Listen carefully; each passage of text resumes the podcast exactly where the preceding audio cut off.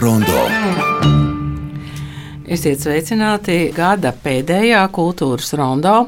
Un, um, patiesībā mums bija dažādas koncepcijas, kā šodien runāt, bet uh, mūsu klasikas kolēģis jautājums tieši pirms ieraksta ar diezgan tādu traģisku sejas izteiksmu jautājums, kurā mēnesī jūs jau esat? kamēr es sapratu, par ko ir stāsts. Izrādās, visiem ir gada apskati. Nu, lūk, bet mēs nolēmām mēnešus ignorēt, notikumu svarīgumu ignorēt un paļauties tikai uz savām subjektīvajām sajūtām 23. gadā. Un tā kā mums ikdienā vispār neiznāk īsti tā mierīgi kopā apsēsties un mierīgi aprunāties nepavisam, jo mēs katrs skrienam savās orbītās, tad šajā gada pēdējā raidījumā par godu noslēgumam esam vienā studijā. Santa Lauga, Laima Slava, Māra Rozenberga, Gustavs Tarzens, kurš ir pievienojies mums šajā gadā, un es Ingvilds Trautmanu. Un katrs no mums ir um, tos savus subjektīvos notikumus, sarunas un īpašos cilvēkus pārdomājis, un kā tas notiks, jūs pavisam drīz uzzināsiet. Un mūsu īpašais viesis ir cilvēks, kuram šajā gadā ir bijušas ļoti liels pārmaiņas. No Valmieras teātra uz Dēls teātri, kurtuvē joprojām Jāzeps, režija dziesmu un deju svētku atklāšanas koncertam dalībniekiem pie arēnas Rīga un darbs veidojot spēļu nakts ceremoniju. Teātru tektonisko svārstību laikā. Aktieris Mārtiņš Meijers. Sveiki! Sveiki jums visiem! Man prieks, Mārtiņ, ka tu esi ar mieru piedalīties mūsu gada noslēguma avantūrā. Un tas nu, būs apmēram tā. Katrs no mums ir izvēlējies kādu fragment no savas īpašās eh, šī gada sarunas, un eh, šie ieraksti ir mūsu playlistē. Bet uz galda ir kartītes, uz kurām ir neliels citāts no šī ieraksta. Autors tur nav pierakstīts, notikums tur nav pierakstīts. Mārtiņš mums varētu palīdzēt minēt, kas ir šis cilvēks, un mēs, protams, visi arī būsim tādi ļoti drosmīgi minētāji un reflektētāji. Mēs varam sākt. Jā, es pirmkārt gribu pateikt, ka šie citāti ir uzrakstīti uz uh, brīnišķīgu kartīšu muguriņām. Tu varēsi paņemt līdzi. Dažādas, jā, te ir dažādi mākslas darbi un fotografijas un, un tādi grafiski zīmējumi. Um, tā kā es sākšu ar uh, to kartīti, kur ir Blūmberga darbs, ja es nemaldos. Jā, ir. jā, tā tad arī.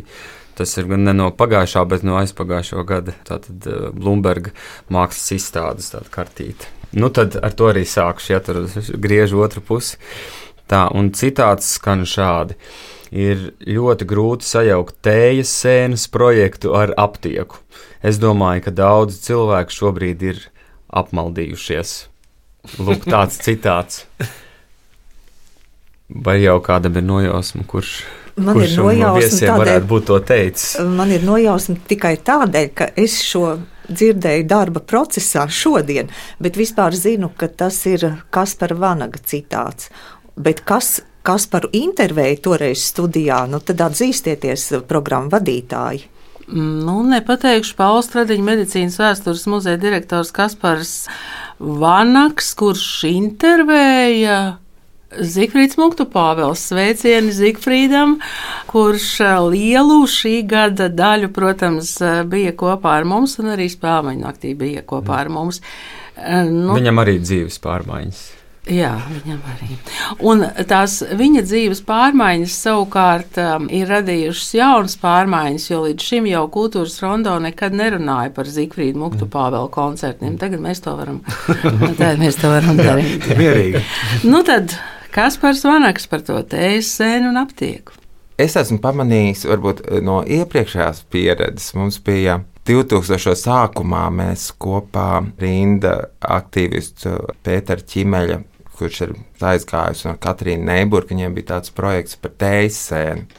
Mums bija uztaisīts veikals uz Valdemāra un Elizabetes ielas stūra, kur bija šis to, to tējas sēni varēja dabūt pa brīvu, un tieši pretim bija aptieka. Un tiešām nu, ir ļoti grūti sajaukt aptieku ar šo mākslas projektu tēsēnu, kur vienkārši viss telpa ir piekrauta trīs litru burkām, kur tās medūzas veidīgās tēsēnas peld.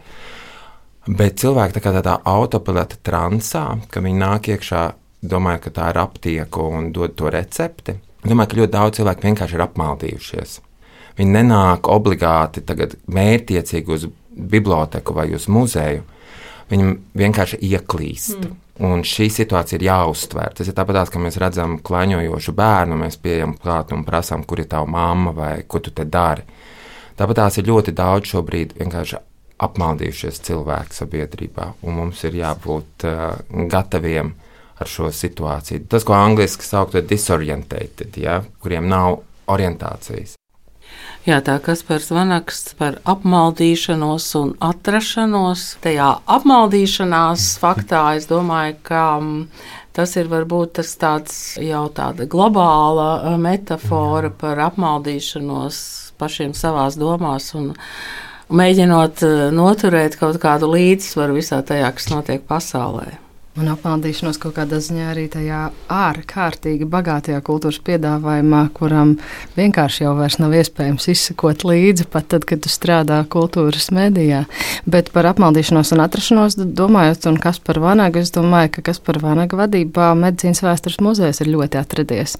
Un, Un arī par to tiem cilvēkiem, kuri klīst. Es domāju, ka tā izstāde, kas bija par sneakeriem, jeb botām, medicīnas vēstures muzejā. Stiepa, tā nebija izstāde, kur cilvēki vienkārši ieklīd. Tur daudz gāja ļoti mērķiecīgi, un, un tas bija, manuprāt, labs piemērs tam, kā pirmkārt veidot eh, stāstu par izstādi un parādīt. Ka muzejs var būt daudz plašāk eh, domājošs nekā varbūt mums stereotipiski liekas. Pirms uh, Mārtiņš izvelk nākamo kartīti, man jautājums ir Gustavam. Gustav, vai tu jūties apmaldījies vai atradies, esot kopā ar mums, kultūras rondo? es jūtos izglābies savā, no, no, no tā, ko varētu nosaukt par vienpusējību, kas rodas apmaldīšanās rezultātā. Tā kā neredzot tās iespējas, kuras tev sniedz kultūras runā raidījums, piemēram, strādā. Tā ir nu, manā, man personīgi, tīri subjektīvi, tā ir liela svētība, jo tik daudz materiāla jāapstrādā tajā savā darba nedēļā, un tik daudz jāiedziļinās. Un man mājās ir divi brīnišķīgi bērni, kas abi katrs savā mākslas virzienā, savā kultūras virzienā arī mācās. Man bija tāds ka man meitas istabā vispār jau jāsāk biļeti pirkt. Ir, ja, ja, ja, viņi, viņi mācās uh, Rozentāļos, pirmajā kursā. Viņai citreiz ir tas, ko sauc par to rolling eyes. Ja, nu, kad es kaut ko pasaku, viņa tēti, nu, kāds, nu, kāds jā. baroks, tas, taču, tas ir klāsts. Nu. Viņam trūkst vārdu. Teic, Skaidrs, Gustav, nākamajā gadā vizuālās mākslas tēmas tā jūt, jā. tavas. Es, es vēl gribu piebilst par to vārdu apmaldīšanos, ka tur viņa jau, es tāds optimists, pozitīvo demagoģiju nodarbošos, ka es iesaku apmaldīties, es iesaku ieklīst, cilvēkiem vienkārši ieklīst izstādēs, ieklīst koncertos, negaidīt, neplānot.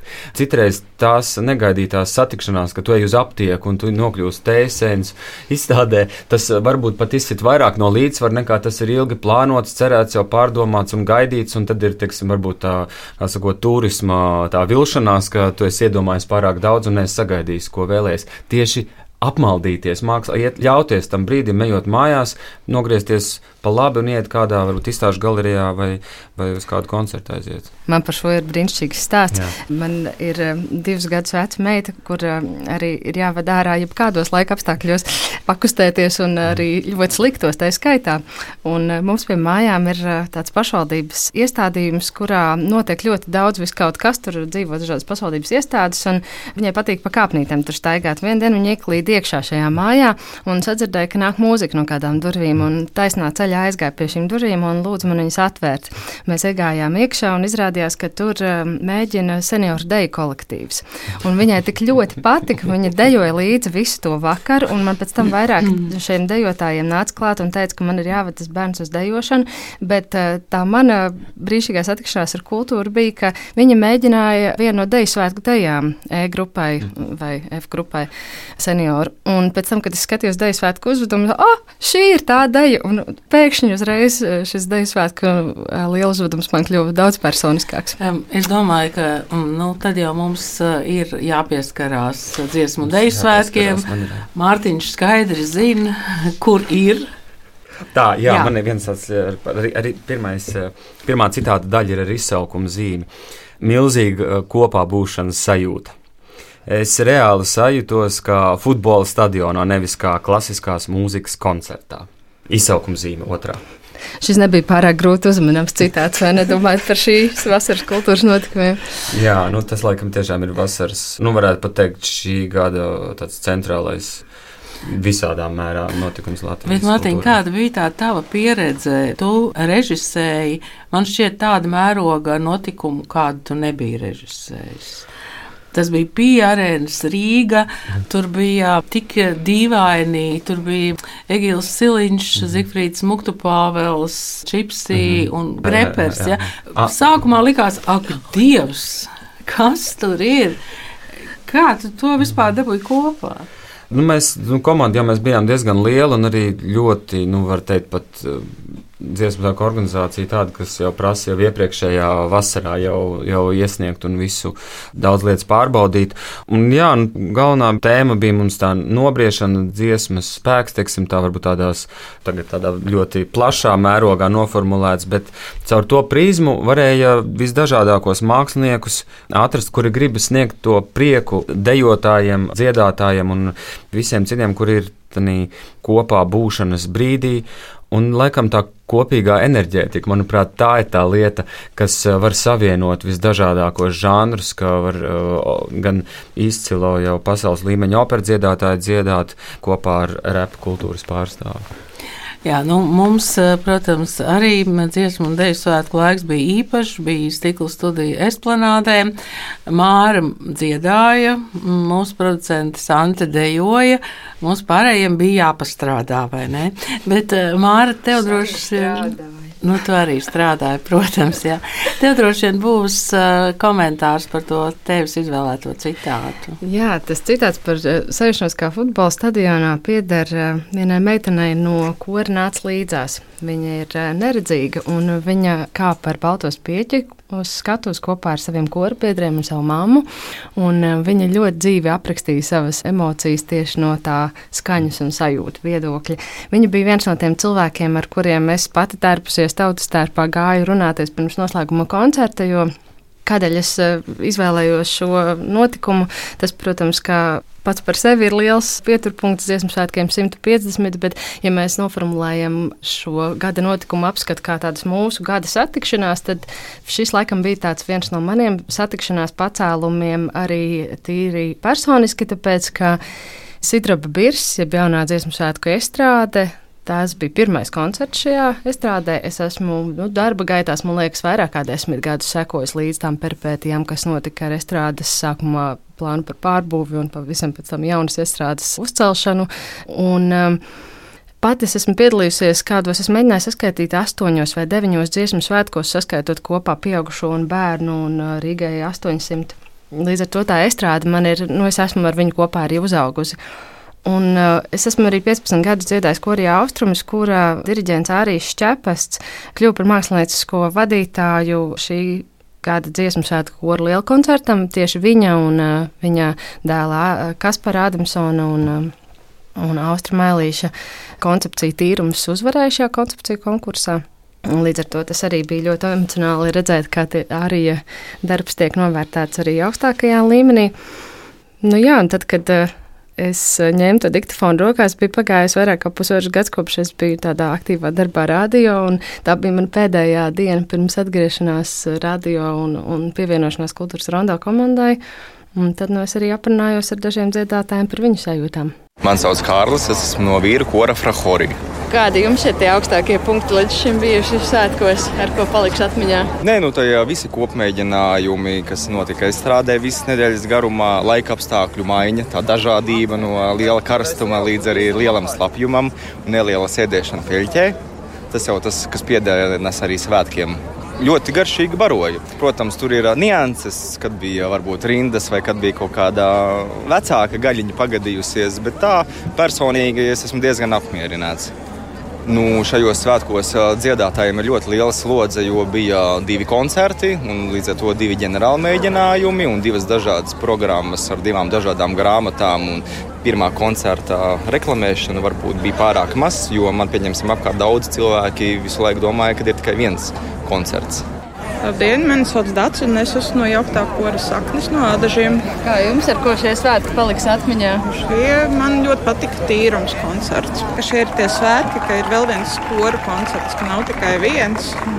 Nodziedot to tīrumu koncertu likās, wow, vēl jau nekas nebeidzas, būs vēl viens. no kura kolektīva jūs esat un kā jūs saucat? Te orķestris Kazdanga, Rolands Jurkāns. Četri svētki diezgan liela pieredze jau, ar ko šie svētki paliks atmiņā. Nu, protams, tā jauna estrāde, tā ir grandioza un tā. Un koncerts bija te Andrejas salā kūtējiem. Tur jums tas kuģis gāja garām, vai ne? Tā vispār bija kaut kādas dievišķas parādība, man liekas, ka tieši tajā brīdī smuka līga un cēla aiziet kuģis skatītāji vairāk skatījās nekā uz diriģentu nabadzību. Ja jums būtu kaut kāda vara kaut ko ieteikt uz nākamajiem svētkiem, ir kas tāds, ko gribētos nodot? Kaut ko es nesaprotu, kā roga neredz valsts. Šeit es strādāju. Mhm. Gal, galvenā tribīna diriģentiem nav novīta, taču katru reizi bijis. Tāda sīkuma, es nezinu, kā tie sīkumi tā jābūt. Tad līva un baiba. Baiba, mamma, Līvas mamma, jā. Līvas mamma, baiba un no kora? Nāc līdzās. līdzās. Tās emocijas šonadēļ ir eh, nu, neaprakstāmas. Milzīga kopā būšanas Jā, un, sajūta. un tās emocijas, tie publikas un kora viļņi, man šķiet, ka es reāli sajūtos kā futbola stadionā, nevis kā tādā klasiskās mūzikas koncertā. Jā, tie bija daži izteikumi, kas bija tur uz vietas, eh, dziesmu dēļu svētku.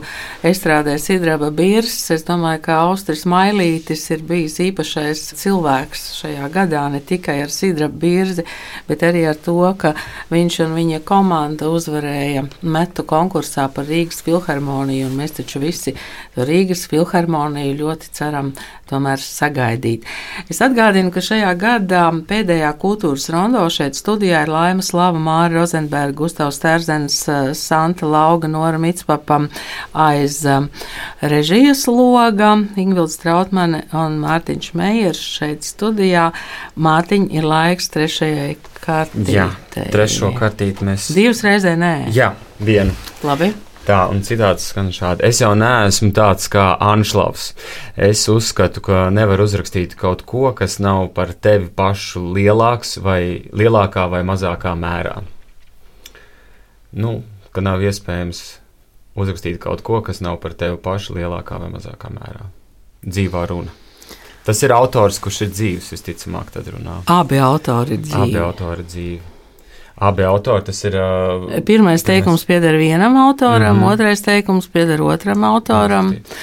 Viņiem vecuma starpība varētu būt kādi 70 gadi vismaz.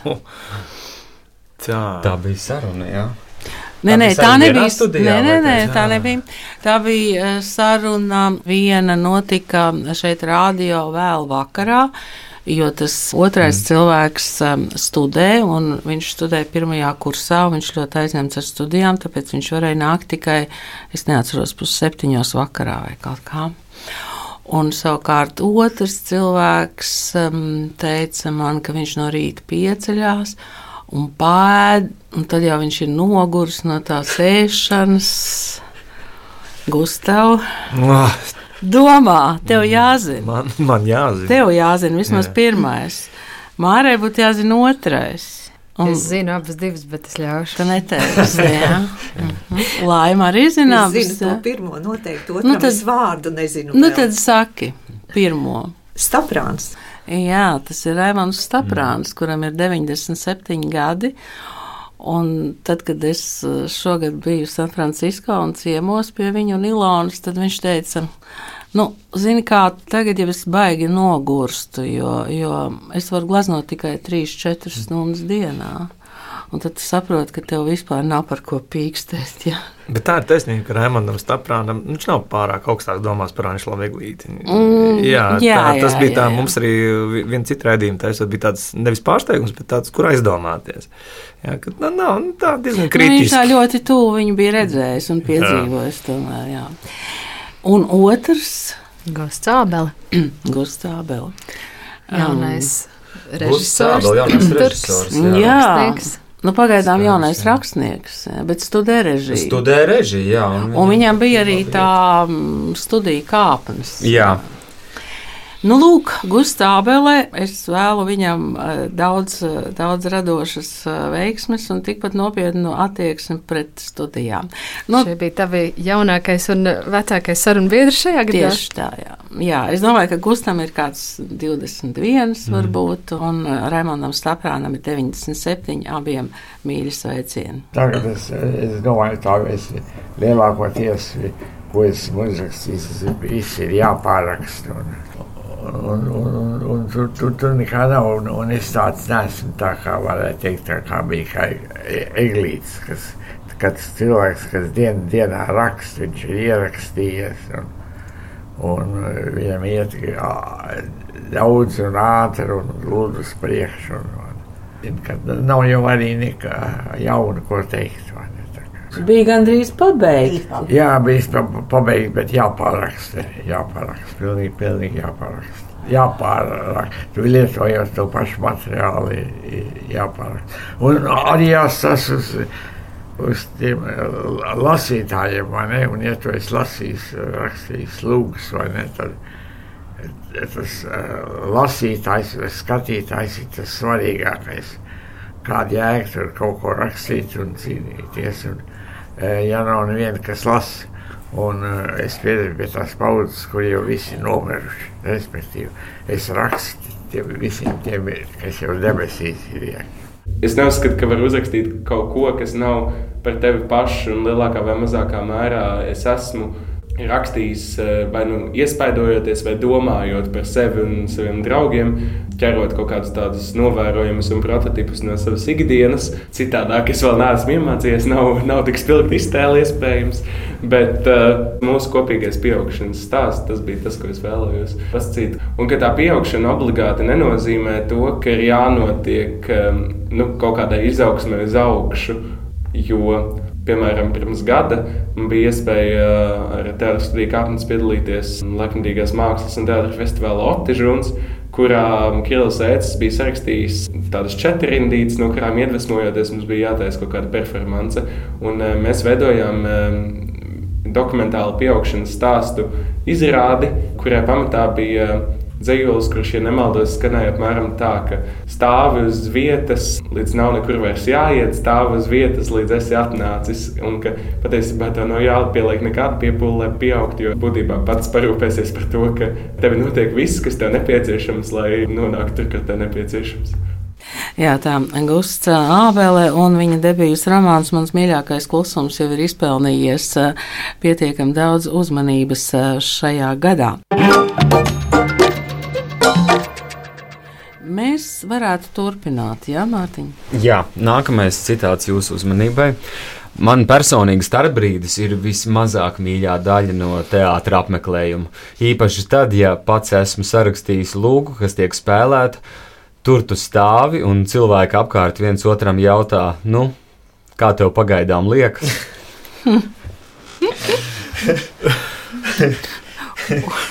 Jā. Tas tiešām es kā cilvēks, kurš ir bijis gan, kurš gan ir uz skatuves, gan arī bijis otrā pusē, tā būšana no malas, kā vairs neko nevar ietekmēt viņa, tā ir īpatnī durstīga sajūta. Un, ja vēl jāpiedzīvo starpbrīdis pa vidu, tad tas ir. Bet aktieriem starpbrīdis tā ir elpas ievilkšana tomēr. Nu, jā, nu, jā, jā, jā nu, tas ir ievilkt, tā kā var ievilkt, ievilkt gaisu. Ir izrādes, kuras patīkamāk ir vienā rāvienā, bez tā pārāvuma, bet tas no materiāla ir atkarīgs visvairāk. Bez bufetes, bez bufetes. Gustav, tev tagad ir jāmēģina, kas to ir teicis. Es cenšos no visas spēka. Nu, es domāju, ka mēs varam pateikt, ka tas ir dramaturgs. Tur jau Droši, ir pārāk šo varētu būt teicis gandrīz jebkurš dramaturgs, nu, jo ka sajūtas ir līdzīgas. Kā lai neaizvaino? Bet, uh, Mums bija viens ļoti īpašs dramaturgs, ar ko mēs šajā Jā, gadā sarunājāmies. Jo viņa vārds ir Sērs Toms Stoperts. Stopārds kungs bija ieradies pie mums. Viņš nebija ieradies. Viņš nebija ieradies pie mums, un viņš nebija ieradies Latvijā.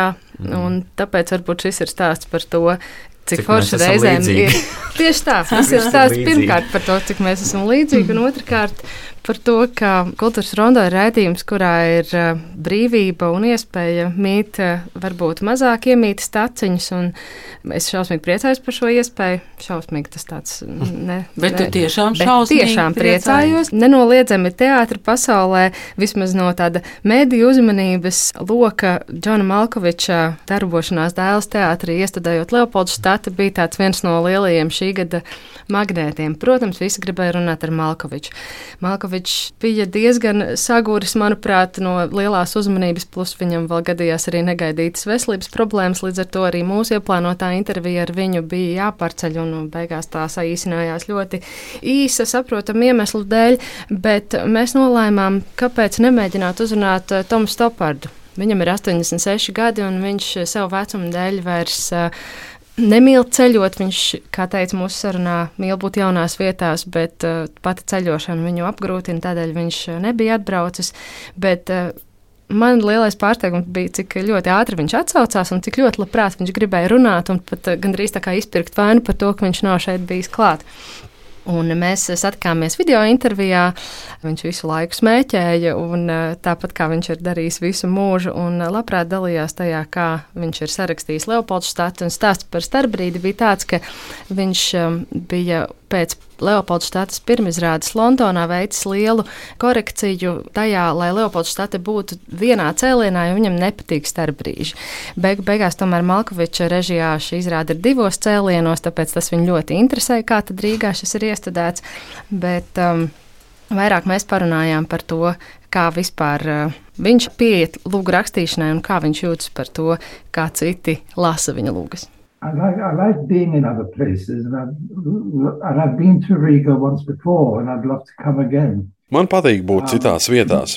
Reiz jau esmu bijis Rīgā un labprāt būtu atkal, taču pēdējā laikā mani atbaida pats ceļošanas process. Varbūt tas mainīsies. Būtu interesanti un aizraujoši redzēt Leopoldu štati citā valodā. Man tas tiešām patiktu. Dzirdēju, ka esot gājis labi. Džons Malkovičs man pirmizrādes dienā atsūtīja ziņu, un tad gan man likās, ak, vai man vajadzēja aizbraukt. Bet te nu mēs esam.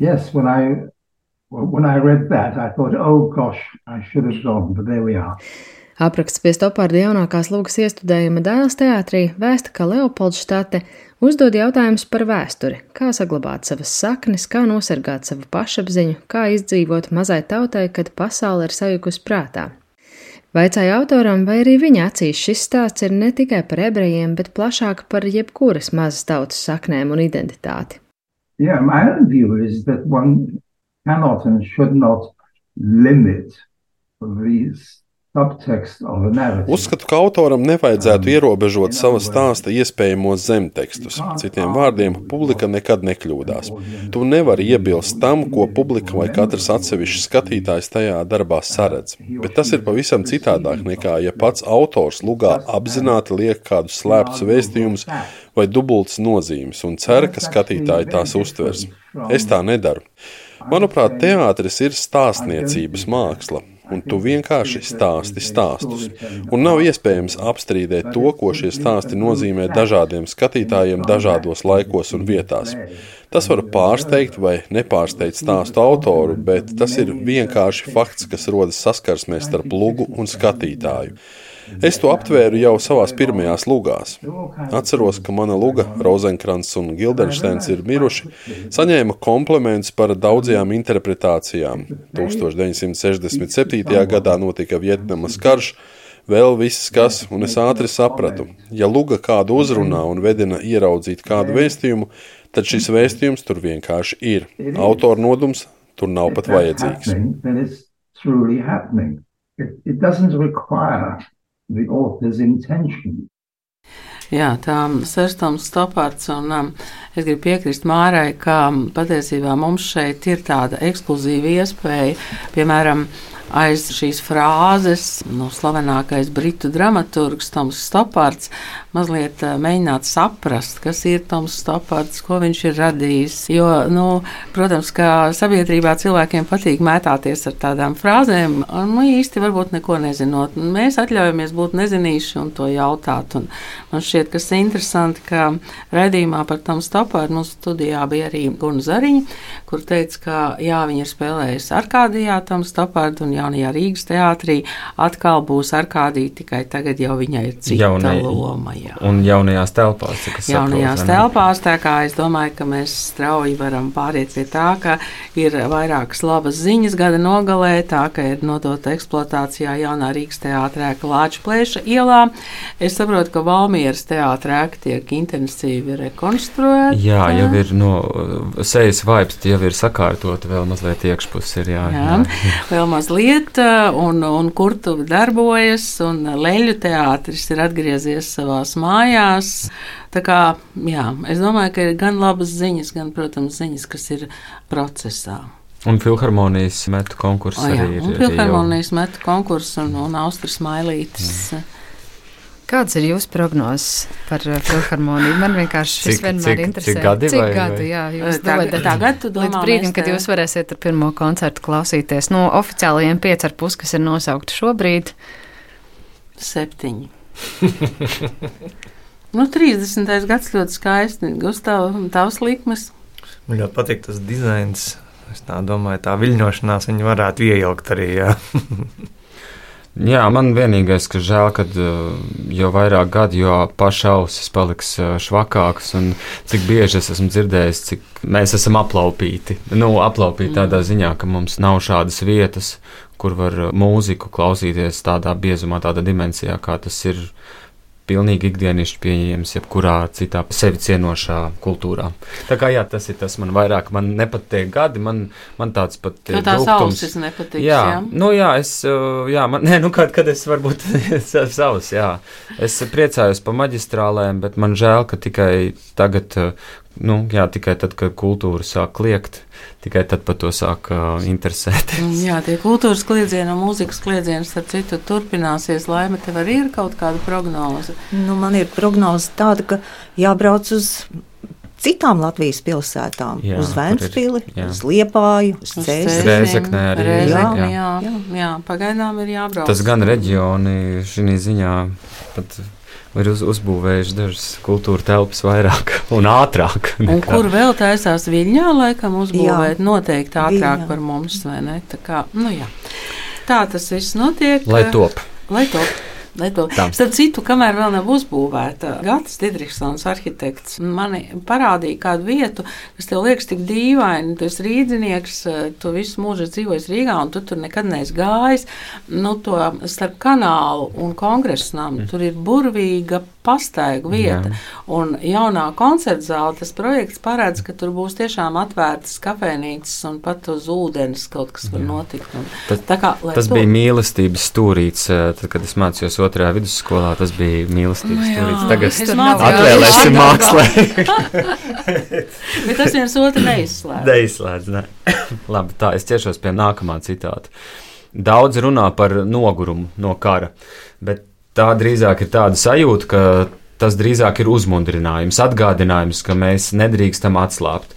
Saprāta impulsiem mūsdienu pasaulē tomēr ir cerīgāka rezonance. Neskatoties uz drūmo mākoni, kas sabiezējas virs mūsu galvām uz ilgāku laiku. Nu, lūk, tas ir laikam ar, ar visu to asiņaino, asiņaino mūsu pēdējo gadu dzīvi saistīts. Es nezinu, kurš to ir teicis. Mm, bet, uh, interesanti. kurš, kurš šādas uh, laicīgas domas varētu mums kultūras redzējumā ielikt plāniņu vidū? Mm, mūzika. Visnotaļ, jā. Noteikti silts, Ingūna. Mm -hmm. Es saprotu, ka tas varētu būt cilvēks, kuru arī no jaunā gada gaida liels pārmaiņas. Un kurš pietiekami reti parādās šeit pat?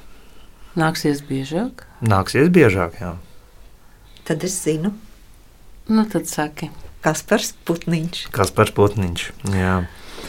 Un, uh, kad mūsu raidījuma producents Santa Lauga, man kā jaunpienācējiem, jauniņajiem, viņa tā vēlīgi prasīja, no nu, ar ko tu gribētu aprunāties svētku kontekstā.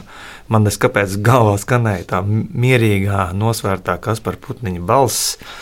Un es tādu asociāciju vienā Latvijas radio varu savēlēt kopā, ka es bērnībā klausījos, kā mazurs runā džēza raidījumā. Man bija pilnīgi vienalga, par ko ir raidījums. Es varēju vienkārši klausīties tajā balsī. Tā mūzikā, jā. Un pēc tam mūzika, protams, jā, un, un ar kas par putniņu tajā šajā līmenī ir diezgan līdzīga. Ja jebkas, ko viņš saka, ir tā, tā, tā kā kompresa tāda. Un ar kas par bija ārkārtīgi interesanti tiešām aprunāties ārpus mūzikas, jā, jo viņš dalījās arī ar viņu ar sajūtām un nojutumiem par to, ko viņa zviedru kolēģi šajā sakarībā saka, un kādas sajūtas eh, nu, tajā burbulī, kultūra telpā ir eh, pāri, pāri Baltijas jūrai.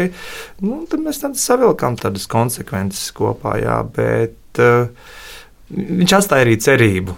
Viņš atstāja arī cerību, un tādu tā ļoti nopietnu, protams, bez nekādas gaišraģības. Klausamies, ko saka diriģents Kaspars Putniņš. Mēs nedrīkstam nenovērtēt to, tos tomēr acīm redzamos solīšus laikam jau mūsu civilizācijas gaitā, ja, kuru rezultātā nu, mēs kā kultūra, kā civilizācija, tomēr šķiet esam pa vienu pakāpi labāk sagatavojušies tādai globālajai krīzē, kā tas bija. Teiksim, Salīdzinot to, kā tas notika teiksim, 30. gados. Nu, tomēr, nu, tomēr tas atbalsts Ukraiņai ir masīvs. Nu, tomēr ir tā sajūta tāda, ka tie, kas ir ielikumi, tā sacīt, sadavušies rokās, ir nu, tomēr baigais spēks. Un ir pagājis jau diezgan ilgs laiks, un daudz runā par nogurumu un ko, bet man sajūta ir tāda, ka drīzāk tas ir tāds. Nu, tāds uzmundrinājums un atgādinājums, ka mēs nedrīkstam atslābt, un, un, un šķiet, ka nu, te, teiksim, tiem saprāta tiem saprāta impulsiem šeit mūsdienu pasaulē par kādu kripatiņu tomēr vairāk ir rezonances arī tādā realitātē. Es tā gribētu ļoti cerēt. Jā, tā ir diriģents Kaspars Putniņš, un um, vakar mēs arī saņēmām pilnīgi oficiālu ziņu, ka diriģents Kaspars Putniņš no 24. gada 1. janvāra kļūs par Latvijas radio kora māksliniecisko vadītāju un galveno diriģentu. Nu, tātad mēs zinām, ka līdz šim no 92. gada tas bija Sigvārds Kļava. Savukārt Kaspars Putniņš visu šo laiku strādāja kā Latvijas radio kora diriģents. Nu, tā bija tāda vienota vīzija un um, arī domu biedrība. Nu, šobrīd uh, Sigvards Kļāvā turpinās lolot savas mākslinieckās idejas, strādājot par Latvijas radio kora diriģentu koncertos gan Latvijā, gan ārvalstīs. Nu, tādas tektoniskas pārmaiņas, vai varbūt nav tektoniskas, es nezinu. Bet eh, šajā gadā par tektoniskām svārstībām tika nodēvēts tas, kas notika teātris pasaulē. Es, protams, negribu Mārtiņu, lai tu atklāji, kādas vēl tektoniskas pārmaiņas tur varētu notikt, jo tur bija Nacionālā teātra valdes locekļa Māra Vītola stāšanās amatā, Elmāra Seņkova demarša, um, publiskas debates sociālajos tīklos starp vairāk teātra vadītājiem par, par aktieru pārpirkšanu, un tad dažādi politiski paziņojumi, un Liepājas teātra aktieru vēstuli, un faktiski Liepājas teātris mums šobrīd ir bez pastāvīgas vadības. Nu, Mārtiņš Meijers spēļu naktī dabūja visai šai tektoniskajai grupai būt par to režisoru. Kā tu jūties? es, uh, nē, nu, jā, šis gads ir bijis sprauslojošāks nekā citām kārtām. Un, nu, jebkura runāšana ir laba runāšana, bet tas varbūt nedaudz novirza no pašiem tiem mākslas darbiem to uzmanību. Bet uh, tas, kā jau teica ķīmele, tas gaiss, kā no iepriekšējā citāta, gaiss ir sabiezējis, un tas ir gaisā, un tas arī izrieģējis cauri arī savstarpējās attiecībās, kas var būt gan vienkārši elementāri no, no sava ego ambīcijām, gan arī no kaut kādiem notikumiem, ko pats nevar ietekmēt, teiksim, teātra vidē, un tad, tad tas izrēģēšanas ir. Jā, nu, bet tas ir dabiski. Teātri, tas, ir, nu, tas nav nekas ekstraordinārs. Varbūt ekstraordināra ir tā prasme savstarpēji sarunāties, kura varbūt ir uh, uz plānākās uh, ledus kārtiņas. Jo prasme sarunāties arī pretējiem uzskatiem, tā ir arī māksla. tas varbūt tas ir, ko es varu iesvaru teikt. Jā.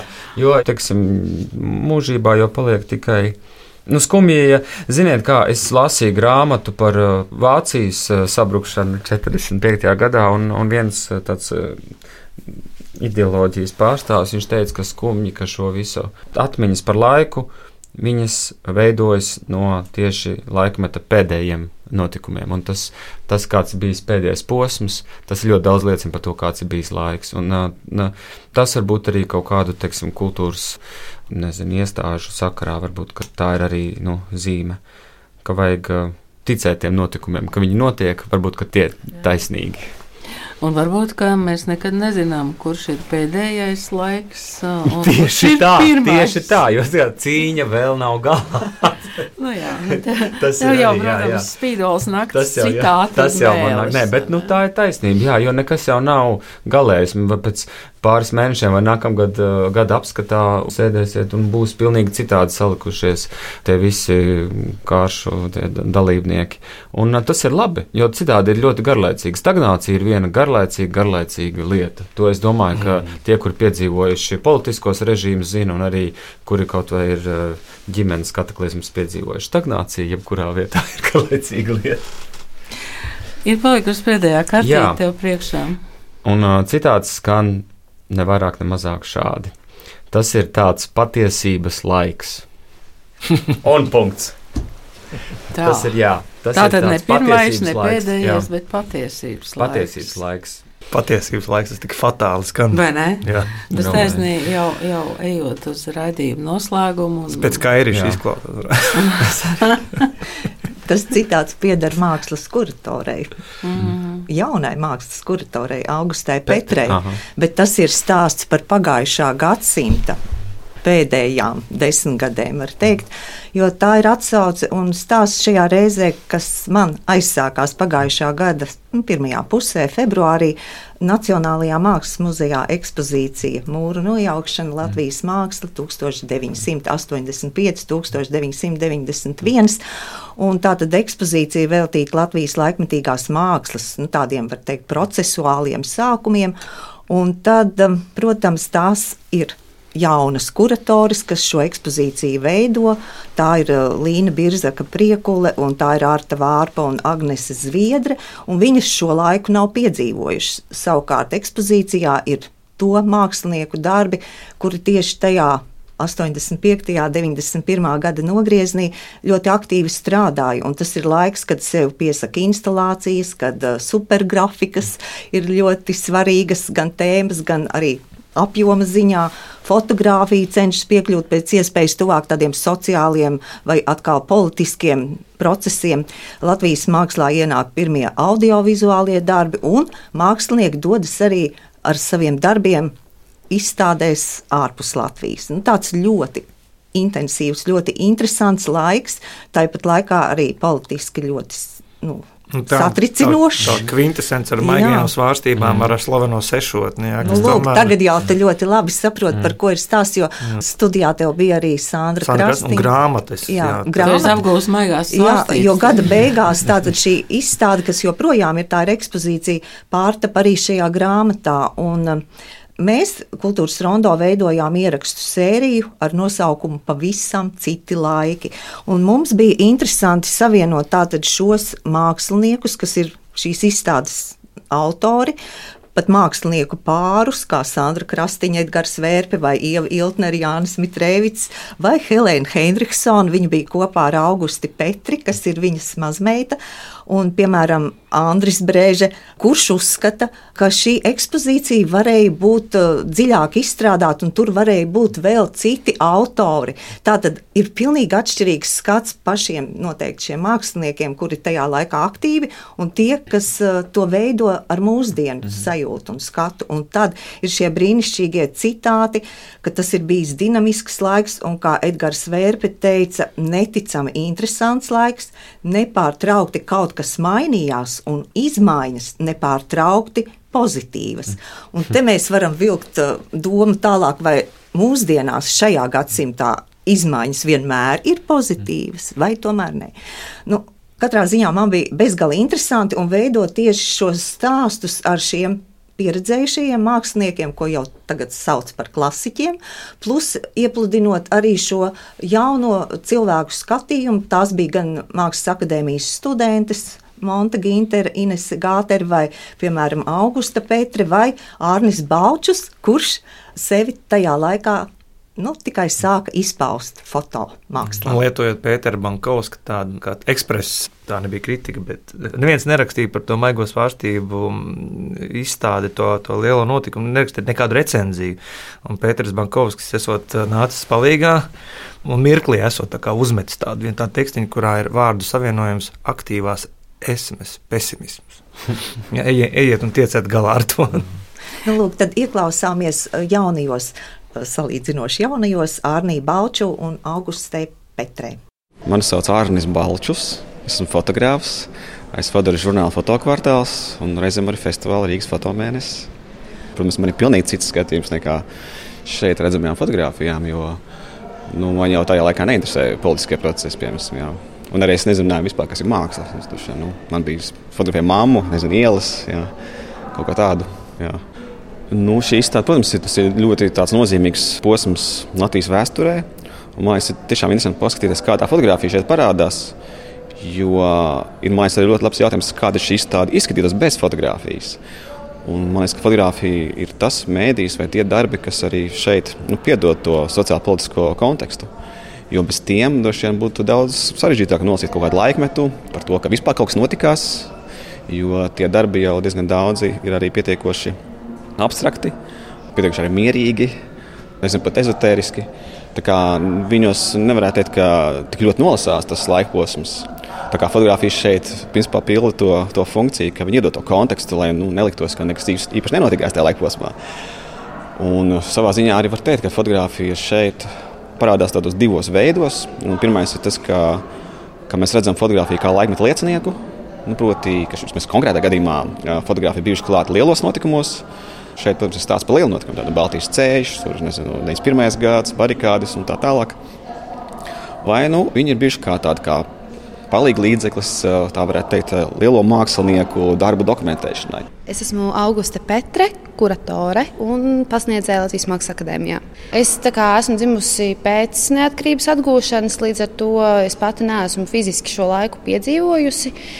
Bet man jau patiesībā jau diezgan sen interesē tas, kā tieši caur mākslu šis laiks tiek reprezentēts. Es arī tam veltīju savu maģistra darbu Mākslas akadēmijā. Man šķiet ārkārtīgi būtiski tas, tieši tagad arī stāvot šeit, šajā izstādē un skatoties vēl paralēli citiem darbiem, ka tas ir tāds um, patiesības laiks. Tepat ir svarīgāk nevis tas, kas nu, tieši tās kaut kādas politiskās nianses vai teiksim, tas sociālais konteksts, kas ir uh, apzināti ielikts, domājot par to kā tādu. Nu, teiksim, ieroci cīņā pret varu, bet tieši tās sāpes un tas pārdzīvojums, kas nāk caur ļoti lielu atklātību. Un, man šis posms tieši arī, jā, kas ir nu, visā patiesībā Rietumē, Eiropā, milzīgs pagrieziena punkts pēc Berlīnas mūra arī krišanas, kas vispār izmaina visu to laikmatīgās mākslas virzību arī globāli. Latvijā man liekas, tas ir tas tāds kulminācijas brīdis, no kur ir izrietoši tie procesi, kas ir šobrīd ļoti aktuāli. Tā kā, man liekas, tas tāds sākuma punkts ir. Jā, nu tie bija pavisam citi laiki. Mēs atkal esam šajos laikos. Mēs esam gandrīz noslēguši šo gadu. Man prieks, ka mēs te visi bijām pie viena galda. Laima Slava, Māra Rozenberga, Gustavs Terzenes, Santa Lauga, Nora Mitspapa un uh, Mārtiņš Meijers mums pievienojās. Mārtiņ, mēs nepajautājām, kāds tev šis gads bija. Nu, es tur sākumā mēģināju saprast kaut ko no tādām publiskām mm. darbībām, bet varbūt tev kaut kas cits vispār paliks no šī gada. Nu, jā, nu man ne, publiskās jau arī tāda ļoti, tas jau man arī bija tādas personīgas dzīves pārmaiņas. Es īstenībā tādus pats savu gadu tādus atskatus nekad neesmu taisījis, un šis pat ir ļoti interesanti un ļoti labi, un īstenībā pare, īstais laiks man liek pareflektēt, kas ir vispār mākslā un uh, visplašākajā spektrā noticis. Jā, man laikam tas, ko es raidījuma sākumā teicu, man gadījās vienkārši vasarā būt ārzemēs. Man žēl tā kultūras, tas pieejamības trūkums Latvijā. Man ikdienas dzīvē, ka viņa, kad, nu, es saprotu, ka kultūras raidījumā mēs esam tomēr tematiski tuvu, bet man, man patīk, ka man gadās uzdurties atklāt kaut ko jaunu, ko es varbūt pat neesmu meklējis, par ko neesmu informēts. Gan par kādu grāmatu, tēmām, par koncertiem un tā tālāk un tā tālāk. Jā.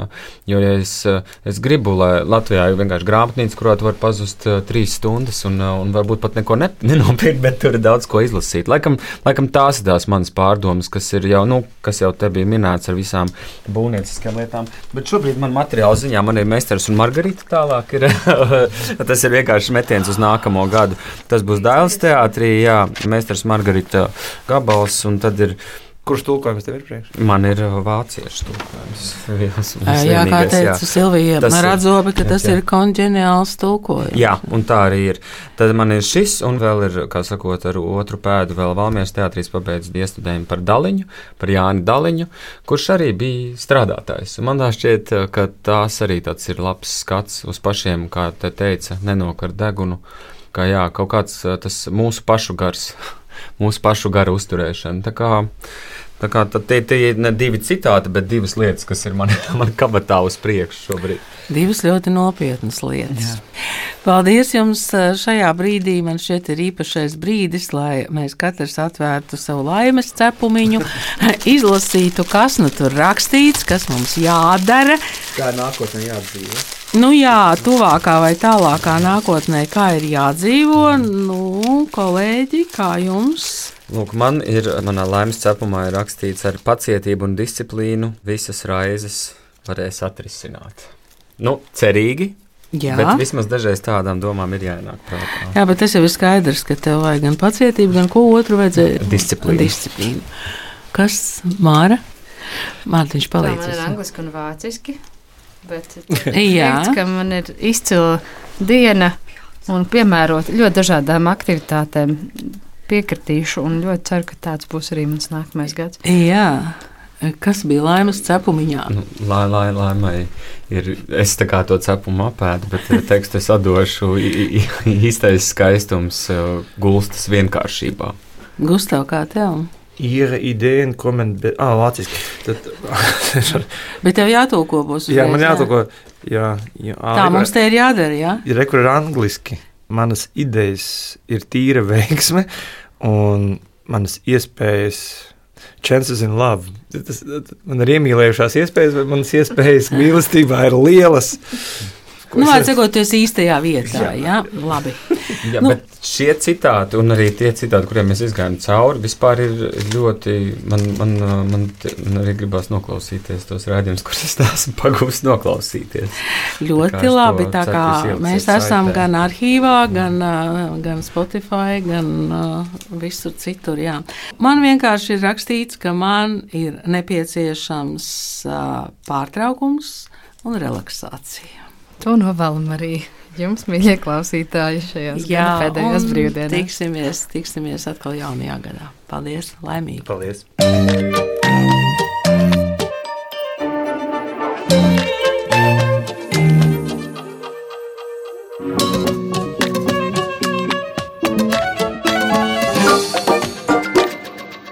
Kultūras rondo.